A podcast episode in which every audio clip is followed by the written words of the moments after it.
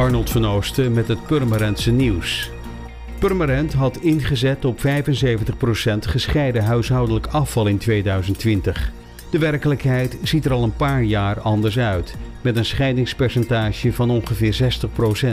Parallel daaraan wordt ook al een paar jaar gesproken over het wondermiddel omgekeerd inzamelen. Plastic, metalen, verpakkingen en drankenkartons zouden aan huis worden opgehaald en het restafval door inwoners weggebracht. Te laat naar nu blijkt, want de huidige onzekere tijden blokkeren dit voornemen.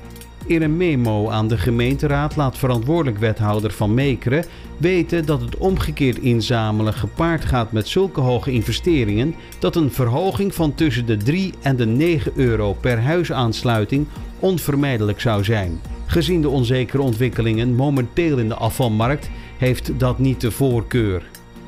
Twee Amsterdammers van 16 en 18 zijn door de politie opgepakt voor zeker drie straatroven die vorig jaar in juli en augustus in Purmerend op maaltijdbezorgers zijn gepleegd.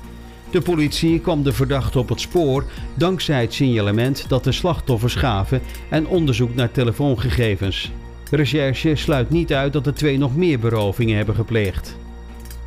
De Bergingbrouwerij aan de Jaagweg had alles al klaarstaan om een speciaal bevrijdingsbiertje te introduceren, P75. Maar alle activiteiten rondom 75 jaar bevrijding belanden in de ijskast vanwege corona en dus bleef ook het bier in de fusten.